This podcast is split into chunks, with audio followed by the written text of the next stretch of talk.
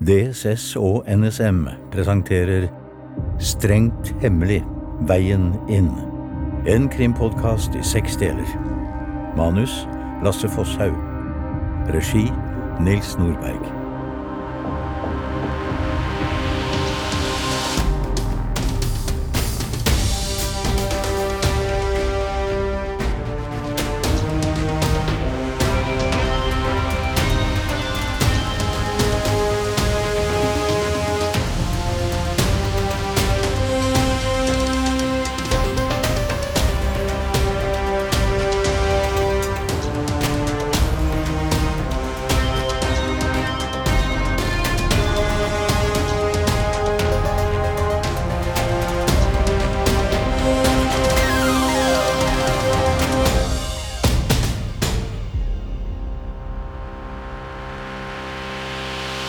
Tredje episode Jeg har skinnvest. Mandag 18. mars. Ingeniør Silje Andersen hos DSS CERT sitter foran skjermen sin da sjefen hennes, Maren, kaller henne inn på kontoret. Hei, hva er det? Kanskje jeg burde spørre deg om det samme? Det er sjelden jeg får meldinger med skrivefeil fra deg, og i hvert fall ikke så sent på en fredag. Nei, det var kanskje ikke så gjennomtenkt å gjøre det på den måten. Men eh, Simen og jeg vi ble igjen etter fredagspilsen, og så snakket vi om de forsvunne filene. Altså, Det er en løs tråd der som jeg ikke forstår meg på. Ja, Du kunne spurt meg før. Det er tross alt halvannen uke siden. Ja, det kunne jeg sikkert. Men jeg var ikke helt sikker på om du ville svare. Selvfølgelig ville jeg det. Ja, Hvorfor svarte du ikke på meldingen min, da? Det er flere grunner til det. For det første så hadde jeg lagt meg. For det andre så var det helt tydelig at du sendte meg mens du var på en snurr. Og for det tredje så håpet jeg at du kom til å våkne opp lørdag med vondt i hodet og litt eh, nerver. En eh, passende straff, eh, tenkte jeg. Altså, Jeg hadde både nerver og hodepine, så ikke tenk på det. Jeg skulle gjort sånn som Simen sa, så sendt en melding til eksen min. Jeg vet han som slettet loggfilen, da? Altså, Det håper jeg ikke, fordi han er barista på Stockflets. Spør meg nå, da. Ok, Hva skjedde med de filene? Jeg slettet dem. Hæ, du gjorde hva? Ja, jeg fikk en telefon fra en av tjenestene som mente at eh, noen var ute etter filene. Og de skulle ikke være tilgjengelige utenfor deres systemer. Hadde du spurt meg med en gang, så hadde du og Simen sluppet å leke privatdetektiver. Ja, men eh, altså Hør, Silje. Det kan hende at jeg er ganske ny her, men jeg vet hva jeg driver med.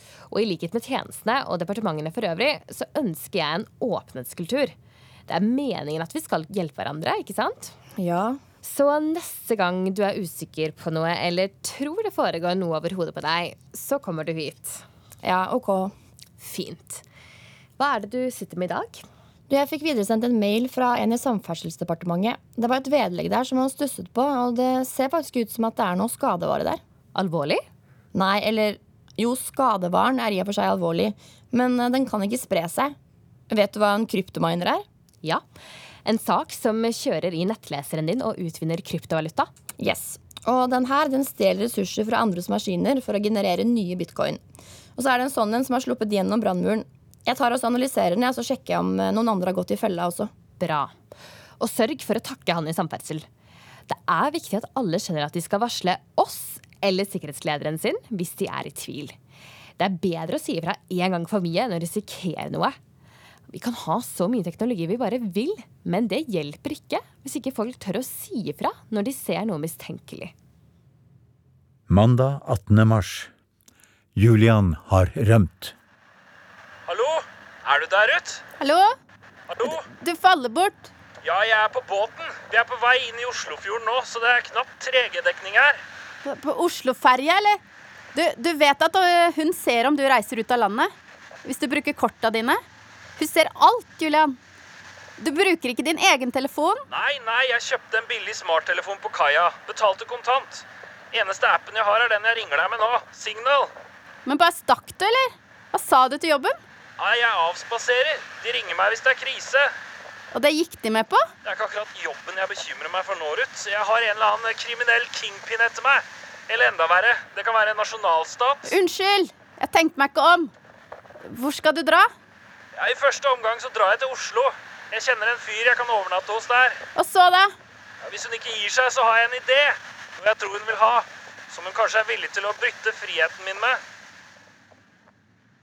Det er fortsatt mandag 18. mars. I et auditorium hos Helsedirektoratet i Nydalen i Oslo holder Nasjonal sikkerhetsmyndighets fagdirektør Bjørn Berge et av sine foredrag om cybersikkerhet. Det mest brukte passordet er 1, 2, 3, 4, 5, 6. Jeg var også i Bergen forrige uke, og da jeg spurte om hvor mange som hadde SK Brann som passord, så var det altså tre stykker som rakk opp hånda. Altså, For det første så bør man ikke dele passordene sine med noen. Det vet de fleste, i hvert fall utafor Bergen. da. Eh, for det andre så er det et veldig dårlig passord. Men tenk litt på det her. Sorry, altså. Sorry, vent, da. Jeg må bare få slått av lyden her. Beklager. Eh, det skal jo ikke skje. Hvor var jeg? Jo, tenk litt på det her. Hvis passordreglene er for rigide, så velger folk uansett den letteste utveien. Altså Må du ha tolv tegn med store og små bokstaver, noen tall og helst noen prosenttegn og hashtagger og sånn, så er det veldig lett å gi opp. Og hva skjer da? Jo, passordet blir altså nettopp 1, 2, 3, 4, 5, 6. Sorry, det, det vibrerer og stopper her, men altså, sjefen må nesten vente litt mens jeg kommer til poenget her. Vi anbefaler altså at man lager setninger som passord. Gjerne på dialekt. Ta for eksempel eh, Ja, hva skal vi ta? Jeg har skinnvest, sjø. Det er altså veldig vanskelig for en datamaskin å knekke et sånt passord, og i hvert fall for et menneske. Og så aktiverer dere tofaktorautentisering. Det betyr at du får en kode på SMS eller via en app eller noe annet når dere logger inn på en ny enhet, og det gjør innloggingen deres mye tryggere. Og Hvis dere sliter med å huske passorden dere lager, så skriv det ned, da vel. Altså Risikoen for at noen bryter seg inn i huset ditt og stjeler passordene dine, det er altså minimal sammenligna med den risikoen dere tar ved å ha dårlig passord. Ok, folkens, Det var det jeg hadde. Eh, jeg ble spurt om å kunne være med på lunsj, og det hadde vært veldig hyggelig, men jeg har fått eh, flere SMS-er og ubesvarte anløp fra sjefen her, så her er det tydeligvis noe som haster veldig. Så jeg får eh, bare skynde deg på. Ønsker dere en sikker dag videre. Kantina i regjeringskvartalet. Mandag 18. mars. Lunsj. Jeg så at du ble kalt inn til rektor i dag tidlig. Yep. Og hva sa hun? Hun sa at det var hun som sletta både fila og loggene, og at jeg hadde fått vite det hvis jeg bare hadde spurt. Der ser du. Ingen konspirasjon, ingen hemmeligheter. Hmm, det minner meg om noe.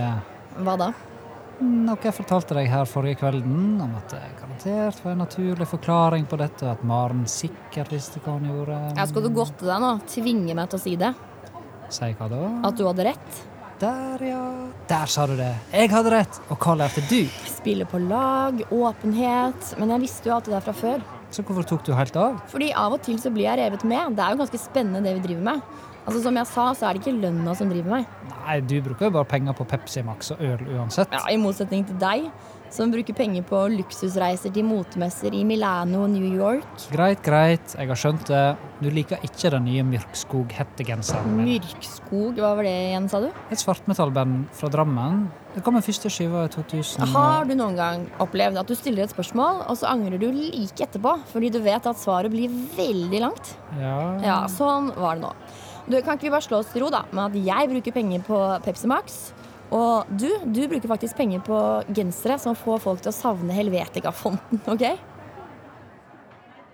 Ettermiddag onsdag 18. mars.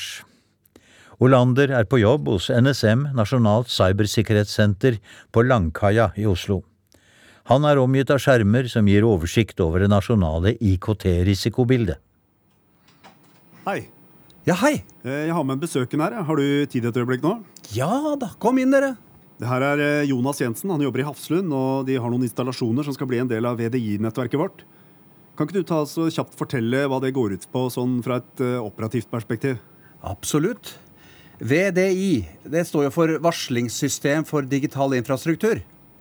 Og Det er et nasjonalt sensornettverk på internett som gjør at vi kan oppdage en hel forsøk på hacking mot kritisk infrastruktur.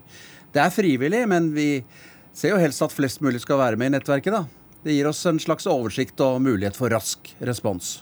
Ja, og så, eh, så hadde dere noen spørsmål om eh, personvern. Eh, Hva skjer hvis det fins personsensitive data eller bedriftshemmeligheter på nettverket? Mm, ja, Ja, Vi er regulert av strenge lover og regler og er helt avhengig av tillit for at systemet skal fungere. Så det trenger ikke kundene bekymre seg for. Vi laster ikke ned så mye som en fil uten deres tillatelse. Vårt eneste mål er å oppdage alvorlige sikkerhetstrusler og forsøk på cyberkriminalitet tidlig, slik at vi kan sette i gang eh, tiltak og forhindre eskalering. Eh, Men du, nå ser jeg at det begynner å lyse litt på skjermen min, så jeg må nesten fortsette med det jeg holder på med. Gullhaug torg 4. På kontoret til beredskapsminister Ingar Lakselv.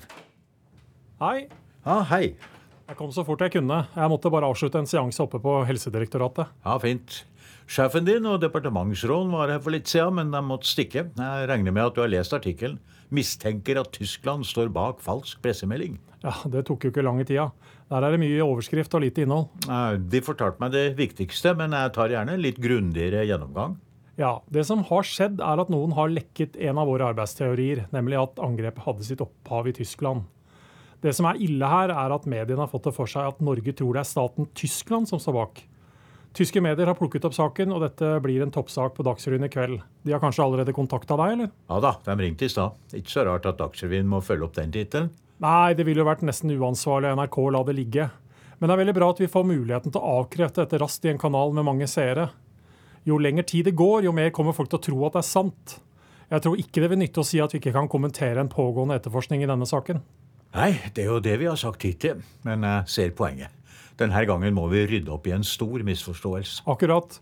Jeg tror også et viktig poeng at dette ikke er noe som behøver å være hemmelig. Nei. Selv om vi blir kalt i hemmelige tjeneste, så prøver vi å holde minst mulig skjult for allmennheten. Den linja er jeg helt med på. Ved å være åpne når vi kan, er det lettere å forklare hemmelighold når det er nødvendig. Ja, jeg forstår det slik at det er jeg som stiller i Dagsrevyen i kveld, så dette er argumenter jeg tar med meg inn i studio.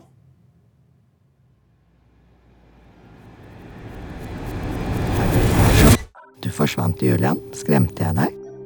Nei, jeg hadde et ærend. Det tror jeg ikke. Du ble redd, som en liten kattepus. Jeg har reist, og vet ikke hvem du er eller hvem du jobber for. La meg være i fred. Det kan jeg ikke, Julian. Du har noen unike egenskaper som jeg trenger. Det er ikke mer jeg kan gjøre for deg. La meg være i fred. Jeg blir borte så lenge jeg må. Francesca Wulf. det 12. Nordfrid Hoff. Hva betyr det? Ikke spill dum. Det er moren din, adressen hennes og navnet på kirkegården du kan besøke henne på hvis du ikke samarbeider.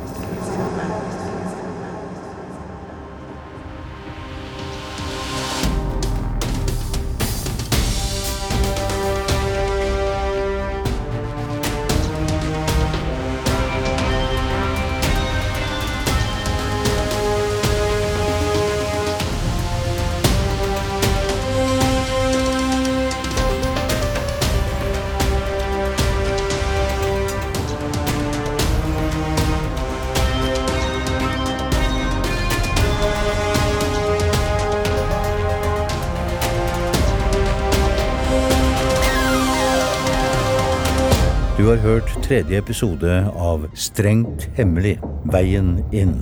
Med skuespillere fra departementsfellesskapet DSS og NSM.